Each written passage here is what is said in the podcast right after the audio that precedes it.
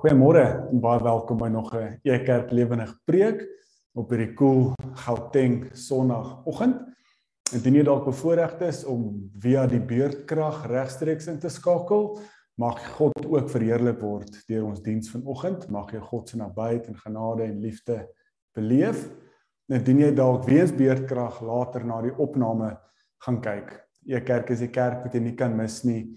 Jy kan natuurlik nog steeds op al die platforms na die opname na die tyd kyk. Ons wil graag begin deur net weer eens 'n kom ons noem dit nou maar 'n tegniese aankondigingkie te maak. Uh, ons sê dit ook in die die 5 minute se aftel voor die tyd. Maar Ekerk hierdie uitsendings van ons uh hang af van verskeie tegniese aspekte. So dit is of 'n internetdiensverskaffer of dit is 'n rekenaar of dit is sagteware of dit is hardeware.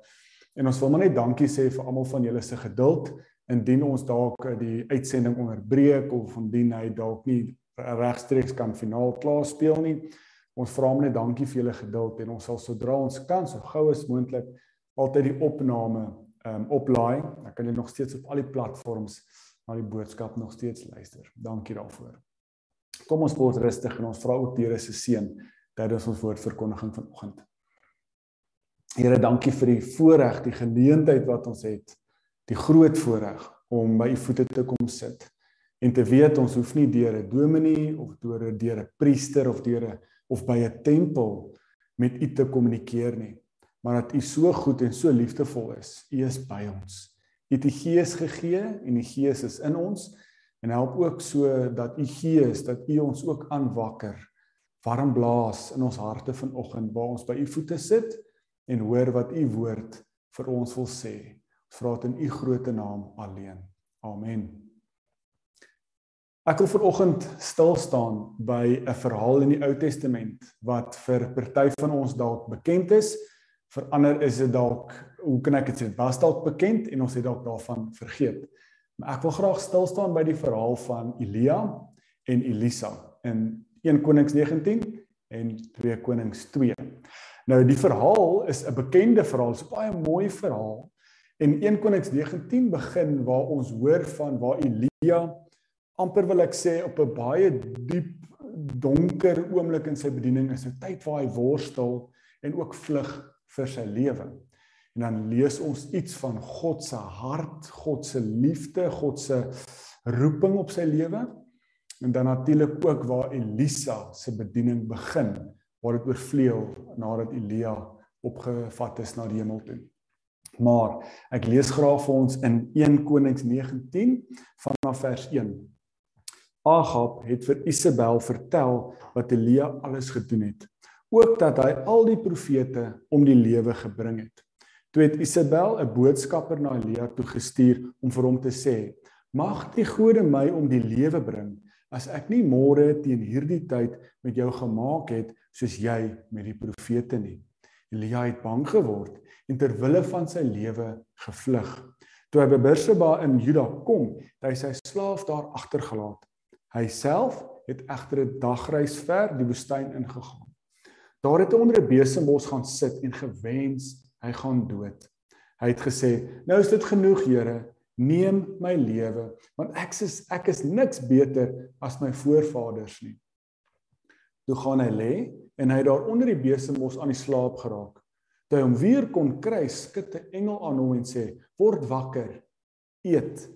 Toe toe hy opkyk, sien hy by sy kop roosterkoek wat op warm klippe gebak is en 'n kruik water. Hy het geëet en gedrink en weer gaan lê. Die engel het 'n tweede keer aan hom geskit en gesê: "Word wakker, eet, anders sal die pad vir jou te lank word." Toe staan hy op en hy eet.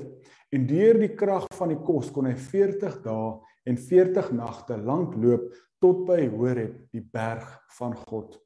Hy het in 'n grot ingegaan en die nag daar deurgebring. Toe het die woord van die Here tot hom gekom en vir hom gesê: "Wat maak jy hier, Elia?" Hy antwoord toe: Ek het my met hart en siel gewy aan U saak, Here, almagtige God. Die Israeliete het die verbond met U verbreek.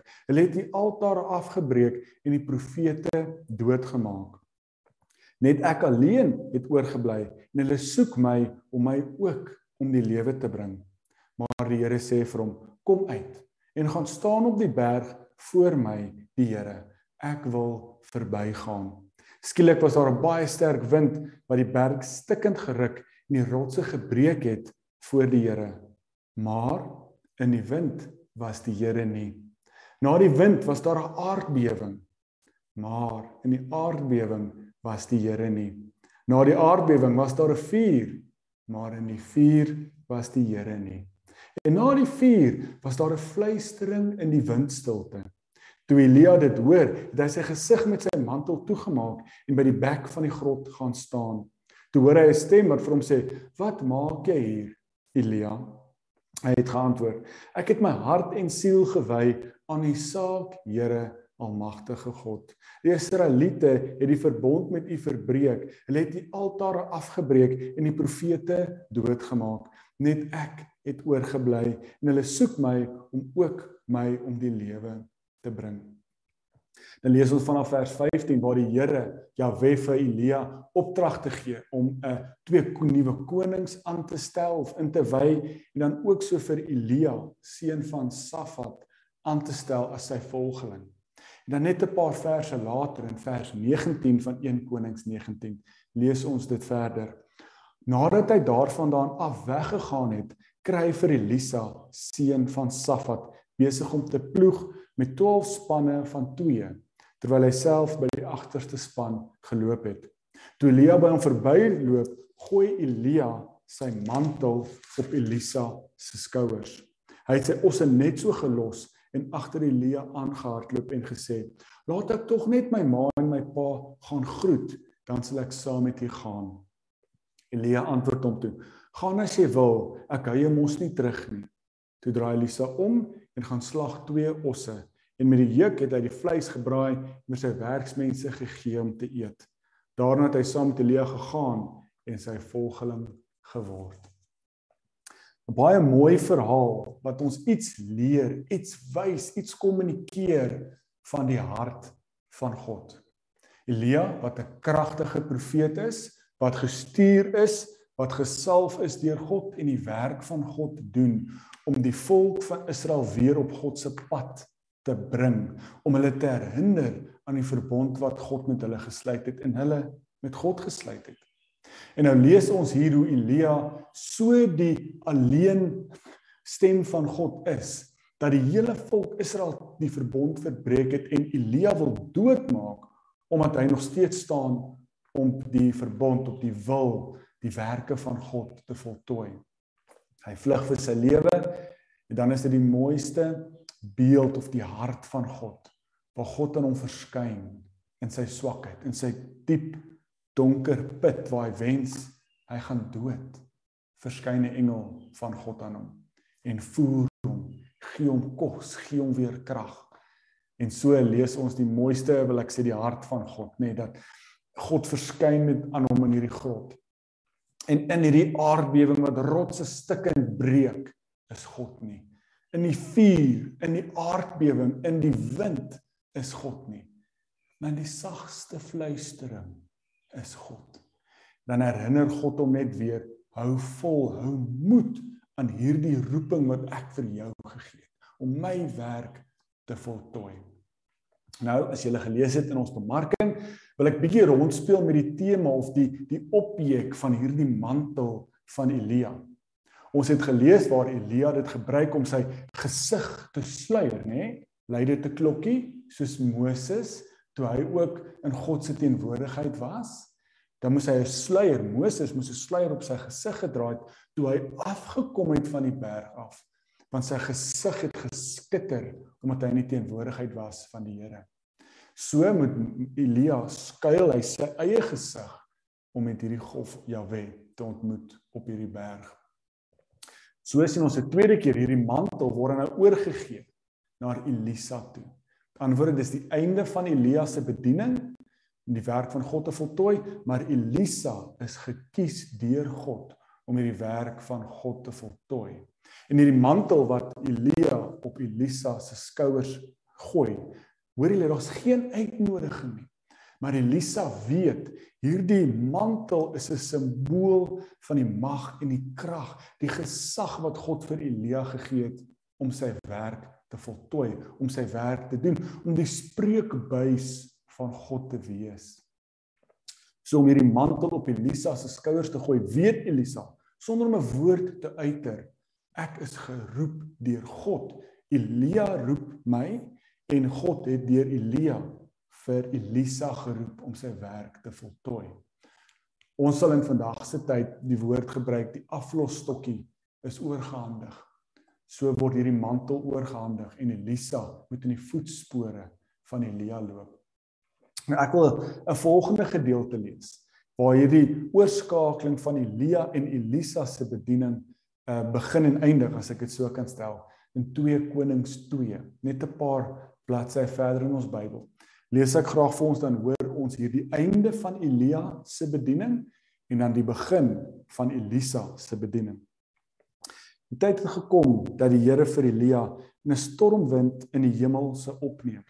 Elia en Elisa het uit Gilgal getrek en Elia het vir Elisa gesê: "Bly hier, want die Here stuur my na Bethel." Elia antwoord: "So seker as die Here leef en u leef, sal ek u nie alleen laat gaan nie. Hulle kom in Bethel en die profete van Bethel sê vir Elisa: "Weet jy dat die Here vandag jou leermeester van jou af gaan wegvat?" "Ja, ek weet. Moenie daaroor praat nie," sê Elisa. Elia sê toe vir Elisa: "Bly hier want die Here stuur my na Jerigo toe." Elisa antwoord dieselfde: "So seker as die Here leef en u leef, ek sal u nie alleen laat gaan nie." So herinner die profete van Jerigo ook vir Elisa en sê: "Weet jy dat die Here vandag jou leermeester van jou af gaan wegvat?" "Ja, ek weet. Moenie daaroor praat nie," sê Elisa.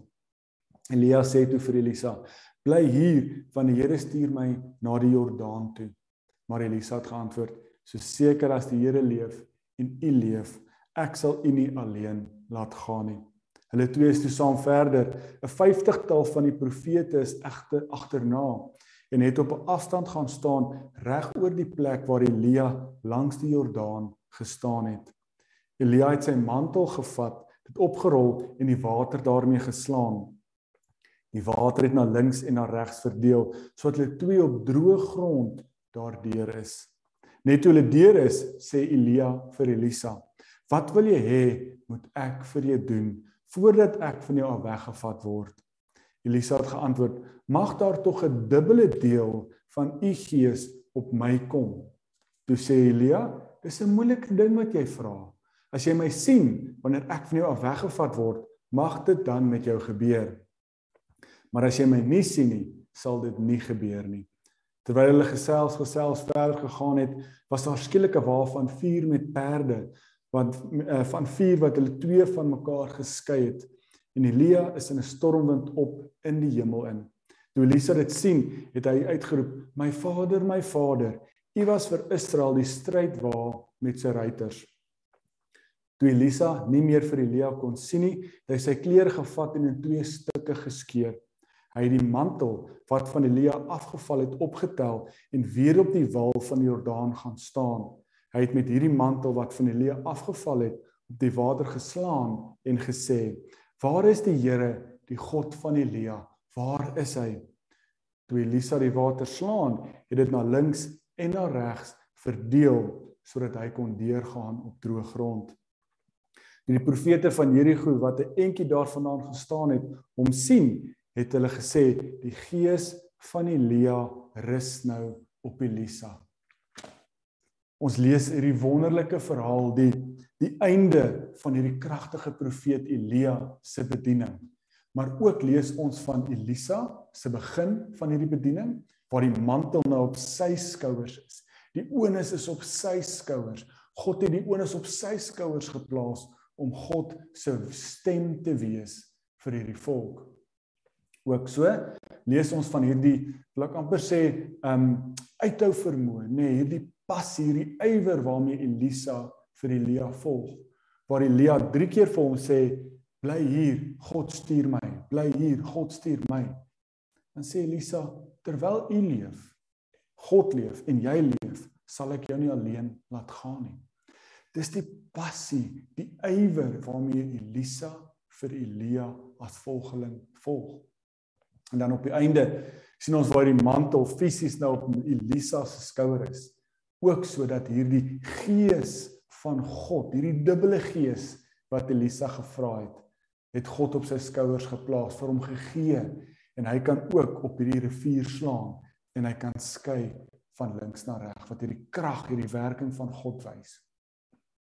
Wat probeer ek vanoggend sê? As ons na hierdie gedeelte lees, dan moet daar vir ons as gelowiges 'n ander verhaal ook opskiet in ons gedagtes as ek dit so kan stel. En natuurlik dink ek aan Moses en Joshua se verhouding, se se werk, se rol in God se openbaring. Ek praat altyd van God se liefdesverhaal van Genesis tot Openbaring. God is die God van liefde wat op 'n konstante manier homself openbaar. En as ons na Moses kyk, dan lees ons reg in die begin in Eksodus, nê, nee, waar hierdie volk in Egipte onderdruk is in slawerny. En hulle kla en hulle mor by die Here en sê, "Hoekom is ons so onderdruk?" God luister na hulle murmurerings en hy stuur vir Moses. God praat met Moses deur 'n brandende braambos teenoor Elia met 'n sagte fluistering. So lees ons waar Moses hierdie objek waarmee hy God se teenwoordigheid en die werk en die krag van God uitgebeeld het, was 'n staf. Ons lees byvoorbeeld in Eksodus 7, een van die 10 plaae, het Moses se staf en God sê vir hom: "Slaan op die Nylrivier met hierdie staf." dan sal die water in bloed verander. In Eksodus 14 lees ons 'n tweede keer waar hy hierdie einste staf vat en God sê vir hom as jy uithardloop of uitvlug uit Egipte uit. Farao se hart gaan verhard en hy gaan agter julle aankom. Maar ek is by julle. En as julle by die Rooi See kom, Moses, hou jou staf in die lug oor die water, dan sal ek die Rooi See skei na links en na regs sodat jy op droë grond na veiligheid op pad na die beloofde land toe gaan. Klink dit nie soos Elia en Elisa se verhaal nie? So lees ons bietjie later dat Moses nie in hierdie beloofde land, hy gaan nie hierdie volk in die beloofde land kan invat nie, weens die verharding van die volk se harte. Hulle luister nie na hierdie gebooie en na hierdie verhouding wat God met hulle wil hê nie. En Moses is net bietjie te lank vir hulle op die berg. En dan kom hulle af en dan het al klaar weer 'n ander god vir hulle opgerig met 'n objek goud van juwele en uh, dooie materiaal. Maar God bly liefdevol en hy sê ek gaan nog steeds julle in die beloofde land invat. Maar Joshua sal ons help. Dan lees ons in Numeri 27 hoe die verhouding, die roeping van Joshua deur Moses dis baie selfde is, dieselfde klink soos Elia en Elisa. Ook so kry Joshua hierdie staf van Moses. En in Joshua 3 lees ons hoe Moses, ag Joshua ook hy staf gebruik om hierdie rivier, Jordaan rivier te skei na links en regs. Wat probeer ek sê? 1. Hierdie kom ons praat van eerste liefdesverhaal van God waar God sy volk uit Egipte uitroep, die era van die wet en van die gebooie en van die verbond wat God gemaak het word uitgebeeld deur Moses en Joshua. En hierdie staf is hierdie objek wat gebruik is waar God vir die volk sorg. Hy kry hulle deur die Rooi See. Um Moses staan in Eksodus 17 op die klip met hierdie einste staf en water vloei uit hom uit en God sorg vir sy volk. Maar die volk bly sondig dit werk nie. Die mens is nie goed genoeg nie. En God gradeer die staf op. Hy gradeer die wet op van Moses. En hy stuur vir Elia, die profete.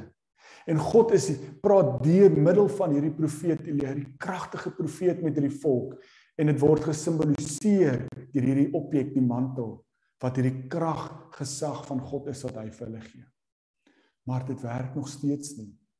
Ons het gelees in 1 Konings 19 hoe hierdie volk nog steeds hulle rug draai op God.